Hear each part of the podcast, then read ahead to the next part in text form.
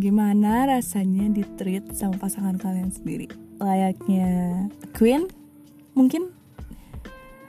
Uh, di pengalaman gue dan pengalaman teman-teman gue itu banyak banget yang kayak dia udah pacaran nih udah berdoi tapi dari mereka tuh nggak ada yang ngetrit jadi yang ngetrit itu cuma satu orang atau nggak ada feedback balik ke pasangan satunya sebenarnya treat like a queen atau king itu menurut gue penting sih karena kita sebagai pasangan harus bisa saling menghargai perasaan saling adil dalam kehidupan masalah uh, percintaan kita. Jadi nggak ada itu yang namanya egois ngerti gak sih? Jadi kayak nggak mungkin kan satu orang yang ngetreat lo like a queen like kayak raja like kayak ratu tapi lo yang diterit tuh nggak tahu diri. Jadi jangan mentang-mentang lo cewek atau jangan mentang-mentang lo cowok lo bisa seenak jidat manfaatin orang yang udah baik dan bener-bener ngejaga lo.